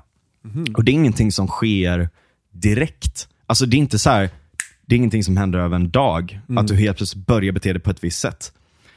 Och Det var lite det som jag var inne på innan där. att Om mina algoritmer gör att jag börjar se mer och mer av kanske ehm, nyheter om hur jävla skit saker och ting är i Sverige med eh, kriminalitet och utanförskap och segregation och alla problemen runt det där. Så kan det vara, mm, det kanske inte är meningen av Google. Men det kan bli lite att de, eftersom att de ser att jag gillar de grejerna, så rekommenderar de mer saker där. För de vet att jag är interaktionsvillig till det innehållet. Som gör att då kommer jag kolla mer på det, vilket ger dem mer ad revenues. Alltså pengar från eh, annonser. Eh, och det i sin tur kan bli lite självuppfyllande profetia. Liksom. Att På grund av att jag matas med mer innehåll av det, mer extrem. så, liksom. blir, så, så dras man mer och mer åt det hållet. Och Det stora problemet med allt det här, det är att vi har människor som sitter och styr i de här rattarna av idéflöde mellan människor i nätverk. Som tjänar otroligt mycket pengar på våran uppmärksamhet, på att vi är engagerade i det här innehållet. Och de vill ju såklart att vi ska vara mer på deras plattform. Och, läsa, och se mer och mer och mer, gå ner i kaninhål av de här grejerna. Samtidigt som de tjänar även mycket pengar, samtidigt som det blir extremt stora klyftor i samhället mellan Olika idéer. liksom. olika idéer, olika ideologier, olika förhållningssätt till andra människor. Tror du att det är därför vi är så polariserade? Ja, absolut. Eh, jag skulle säga att så här, vi har varit polariserade innan också. För att, jag menar, hade, läste du eh, en sorts tidning och den andra läste en sorts tidning och du aldrig möttes. Liksom. Aftonbladet Hade du, hade, ja, men typ så hade du mött den personen så hade du bara, fuck you. Är du helt dum i Ja, men det var huvudet det? Hå- Håkan Broström var inne på i vårt eh, första avsnitt, eller egentligen vårt andra avsnitt, men som vi döpte Mm. till avsnitt ett. Just det här att eh, tidigare så fanns det en polarisering med att du kanske köpte Aftonbladet om du stod på den här sidan och så köpte du Expressen. Det var ett statement. Liksom. Ja. Eh, ja, men precis. Och att, att det blir mer och mer... Liksom, Men nu ser du ju alla andra idioter i realtid. ja, just det. Och Tror du att det kan också vara en, en sån sak som gör att du, istället för att bli mer extrem när du liksom utsätts för andra människor och deras åsikter, att du kanske blir mer, mm, alltså istället för att bli mer polariserad så kanske du blir mer medveten om hur andra människor tänker också. Nej, för jag tror att ett stort problem i hur algoritmerna är konstruerade är att det du ser av andra människors åsikter är när folk i dina nätverk, ehm, människor i dina nätverk, när de kommenterar på någonting dumt som har sagts från den andra Så sidan. att du får en karikatyr av den andra sidan. Precis. Mm. Och idén lite med social physics är, alltså runt de här sakerna är att idéflöden är ganska koncentrerade till enskilda grupper och så kan du ha människor som är utforskande utanför de här grupperna. Och som dels kan gå in helt och hållet i nya grupper och injicera idéer och information från en grupp till en annan. Eller gå in där lite och lyssna lite och injicera tillbaka det. Ehm, och, och analysera på ett ganska intressant sätt då hur det här funkar. Ehm, och utifrån det så kommer vi säkert att kunna komma, alltså med mer forskning på de här områdena så kommer vi säkert kunna lära oss jävligt mycket. Och förhoppningsvis så kommer ju, alltså jag menar Mark Zuckerberg har ju i alla fall försökt säga att han vill inte att Facebook ska vara så. Med all den här informationen som, som vi kan få ut av människors beteende, vilka de träffar, vilka nätverk de befinner sig i och vilket informationsflöde som finns där, så kan vi utläsa ganska mycket. Och här kommer en integritetsaspekt i det hela. Ja. Vi, man skulle absolut kunna se att, eh, ta en sån sak som att eh, människor som har det bra ställt är mer ehm, utforskande i, i stor regel. För att de har tryggheten att kunna gå utanför sina ramar. De behöver inte alltid vara i samma ramar hela tiden. Där tryggheten finns. Eh, vilket kopplar ganska mycket till den diskussionen vi hade om klan innan. Det är en trygghet i en väldigt svår situation. Att ha eh, dels eh, familjen, klanen och eh, människor från ens eh, kulturella bakgrund, språkliga bakgrund som man kan eh, vara i. Eh, och Det går att liksom nudga eller liksom putta genom algoritmer människor att söka sig vidare ut. Eh, eller det går att analysera de här mönstren och se att här behöver vi sätta in nya insatser och så vidare. och så vidare. Problemet med det är att om man går ner på en alldeles för så att säga, snäv skala i det, så blir det extremt integritetskränkande. Ja. Så att det är väldigt ehm, kraftfulla instrument. Och Problemet när man tänker att allting ska lösas med staten och de får den här möjligheten att samla in så mycket information som vi börjar kunna komma upp i att samla. Ja. Om hur människor beter sig. Där Facebook vet mer än dig om, om dig än vad du vet. Eller där ehm, de nästan kan prediktera ditt beteende och utifrån det visa vilka ads de ska göra och så vidare. Så kan, du, så kan staten rent tekniskt sett använda det här också. Jag tror att vi kommer få se till exempel Kina, att de börjar använda sig mer av den här sortens teknologi.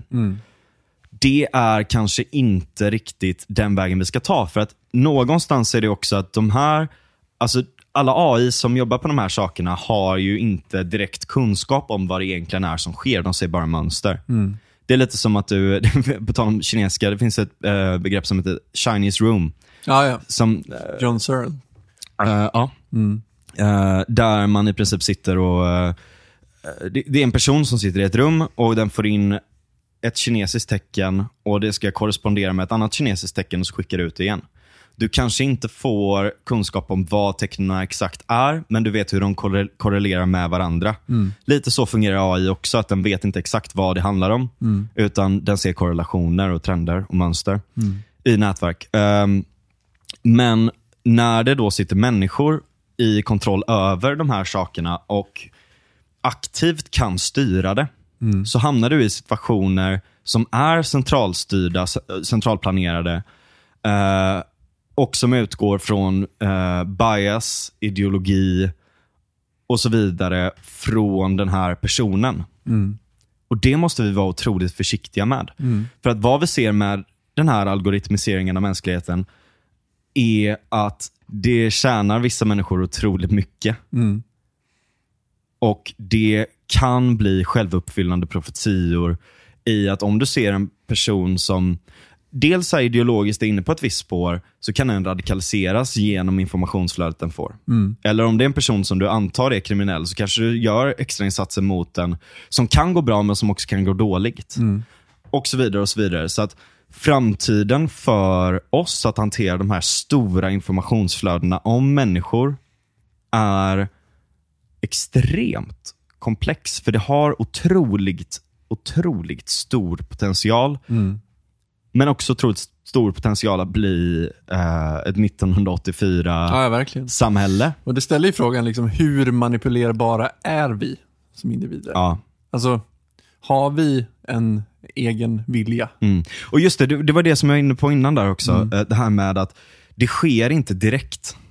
Utan det sker gradvis. Mm. Det är små nudges, det är små puttar hela tiden Mm. som puttar in oss till ett visst spår. Eh, och det är väldigt svårt att se det direkt. Mm. Det vet man ju själv, liksom, att viss sak men- kan putta en på ett sakta men säkert sätt. Alltså bara en vän som påverkar en. Men det är lite som en sekt. Liksom, att, att, eh, Ja. Det är väldigt svårt att förstå människor som har varit i helt extrema sekter. För att hur det de gått stegvis, kunde- Ja, liksom. exakt. För att det har gått så stegvis. Så att det, är så, det är så lätt att sitta i efterhand och bara säga, men hur kunde du tro på det här? Mm. Jo, för att det skedde eh, under så lång tid och så små, små steg hela tiden. Ja. Så att du, du liksom, någonstans kanske du förstod att det här var lite crazy, men att, att du blev en del av ett, ett sammanhang som du, alltså det blev din verklighet på något vis, Ja. som du var tvungen att förhålla dig till. Exakt. Vare sig du ville eller inte. Och där är det ju läskigt, för att även Mm. om vi har en egen vilja, så, så kan du hamna i situationer där du inte, där det inte spelar Där så du stor tror roll. att det är du som gör ett beslut, men det är inte du. Dels det, men Ja. även att du hamnar i situationer där det spelar ingen roll vad du tycker eller tror, för du har det här ramverket att förhålla dig till och det är Ja. det enda du har. Ja, ja, visst. Men de positiva delarna av det här, om vi tar en sån sak som klimatkatastrofen till exempel. Det är att med ökade, till exempel, eh, istället för att du har några stora sensorer som mäter vissa saker, så kan du mäta en jävla massa olika saker i en fabrik. Som gör att, okej, här ser vi att eh, det avviker från en trend. Här behöver vi göra en insats för att här ser vi ett mönster som leder till mer utsläpp eller Ja. sämre produktivitet eller det ena och det andra. Det är skitbra. Ehm, och effektiviseringspotentialen med den här nya tekniken är enorm inom både industri och akademi. Och ja, massa andra olika områden av samhället också. Vi kan göra smartare städer som anpassar sig mer efter hur människor rör sig. Vi kan till och med ändra i hur människor rör sig genom att så att säga dra i de här rattarna. Så att vi får ett större idéflöde mellan, eh, mellan människor. Alltså bara en sån sak som att bygga ut eh, kollektivtrafiken så att den fungerar bättre är ett jättebra sätt för det. Eh, för då helt plötsligt blir det enkelt för folk att röra sig från förorten till, in till stan. Och vara där och, och träffa andra och mötas av deras idéer. Deras idéer, träffa nya vänner som drar in dem i nya grejer. Eller att de tar med sig deras idéer tillbaka. Och Man kan till och med ta upp det på en ännu större skala. När just den här, det här idéflödesmässiga då. När man pratar om migration och när man pratar eh, om invandring så pratar man väldigt mycket om remitteringar, det vill säga att man skickar tillbaka pengar. Och Det har byggt upp till exempel Somalia väldigt mycket. Mexiko otroligt mycket. Eh, många andra länder i världen har byggt upp otroligt mycket av det här. Men en sak som är otroligt viktig också, förutom pengar som är en grundförutsättning. För jag menar, alltså, om du inte har pengar för dagen så är det jävligt svårt att så här, se till de etiska problemen med typ en viss social struktur eller kulturell struktur. Men pengar plus idéer plus kultur plus, kul, eh, plus ehm, värderingar, moral och så vidare eh, gör att man skickar tillbaka intellektuella remitteringar. Eller man skickar tillbaka remitteringar inom alla de här områdena helt enkelt. Tillbaka till hemlandet som gör att de också får Just det det. idéflödet och bygger upp ett psykologiskt försvar mot förtryckande system. Just det. Det är sant. Det är ett jävligt bra argument för invandring. Och det är kanske det allra viktigaste och kanske anledningen varför vi bör ha migration fortfarande. Varför globalism är så otroligt viktigt. För att uppenbarligen så verkar framgångsrika samhällen konvergera mot liberaldemokratier. Men å andra sidan då, alltså, vi har ju alla de här sakerna, men samtidigt så har vi ju Kina som behandlar sitt folk som skit och som drar alltså, åt den här mer vi kan påverka, vi behö, det behöver inte vara på det här sättet, vi kan istället bara påverka dem genom vår teknologi. Eh, och Det är ju lite anledningen varför till exempel TikTok har förbjudits i USA. Dels så är det ju att man vill äga den branschen själv och det finns Ja, ja. egenintressen som är monetära. Men det finns också den här problematiken i att de har kontroll över algoritmerna och kan nudga folk till anti-väst, anti-USA, kommunistiskt Polar- eller du vet, så här, polariserande Polarisera grejer. Liksom. länder och göra länder Precis. instabila. Ja. Lite som USA gjorde, när, eller förlåt, Ryssland gjorde mot USA. När de eh, arrangerade demonstrationer för eh, högerextrema och motdemonstrationer med vänsterextrema trots att ingen av arrangörerna som bodde i Ryssland var på plats. Liksom. Och de clashar och, blir, eh, och börjar slåss och allt sånt där. Eh, och sårbarheten i våra in, våran infrastruktur, vår internet, alltså internetsociala infrastruktur är jävligt problematisk och svår. För att jag menar, även om det kommer till den här grejen att ah, men, eh, vi ska, man kan identifiera, här ser vi en ökad trend av eh, de här åsikterna eller den här sortens propaganda, det ena och det andra. Så är det så här, okej men när går gränsen för att du ska förbjuda det? Stoppa det? Minska trafiken till det? Och så vidare. och så vidare. Vilka ska få bestämma över det? Det är frågor som är väldigt svåra att svara på. Ja. För du har ju samtidigt människor på YouTube som är genuina, som tycker på ett visst sätt och allt sånt där. Som blir nedstängda för bullshit. Mm. Ja, ja, ja. Så är det ju. Vi står inför lite saker. Vi står inför jävligt. Men, men det är jävligt viktigt tycker jag att ändå lyfta upp den här problematiken. Alltså även om jag kanske inte kan komma med direkta svar på allt det här. Alltså jag ramblar om, om en jävla massa forskningsrön och det ena och det andra, sådär, eller utvecklingar och allt sånt. Och kanske inte kommer med direkta svar på exakt hur man ska lösa det. Så är det jävligt viktigt att folk har koll på det här. Ja, verkligen. Och att det finns en demokratisk, ett demokratiskt medvetande. Att de här sakerna är så otroligt effektiva potentiellt sett. Och kanske inte är supereffektiva idag. De är ganska effektiva idag, men det kommer bara bli mer och mer effektivt. Det kommer styra våra liv mer och mer och mer. Och om vi lever i en tid där det blir mm, där man inte verkligen tar ett seriöst snack om det här och en seriös kontroll över vad det här faktiskt innebär för oss, då, då kommer vi att bli extremt styrda, tror jag. Och det är inte frihetligt heller. Nej. Det finns verkligen en frihetsaspekt i det här som är problematisk. Ja, ja. Som inte bara är mot stater, utan som är mot företag också. Absolut. Jag skulle kunna babbla vidare i tusen år på det här. Ja, ja, men det, vi har alla anledning att återkomma till det här. Ja, och det kanske är bra att ta någon som är ännu mer... Ja, ja visst. Det, är- ja, det blir ett in, insyltad i det här än vad jag är. För att jag är en jävla, liksom, inte amatör, men eh, en, en glad student i de här områdena. Ehm, vi eh, tänkte dra igång en eh, Facebook-sida för er. Vi har Förhoppning- sagt det nu i fyra avsnitt. Jag vet. Men eh, nu, nu eh, tills när det här avsnittet släpps så lovar vi att den eh, finns på plats. ja. Eh, så ni får gärna gå in där. Eh, och eh, Ni får gärna shitposta memes, men det är viktigt att det är relaterat till våra ämnen.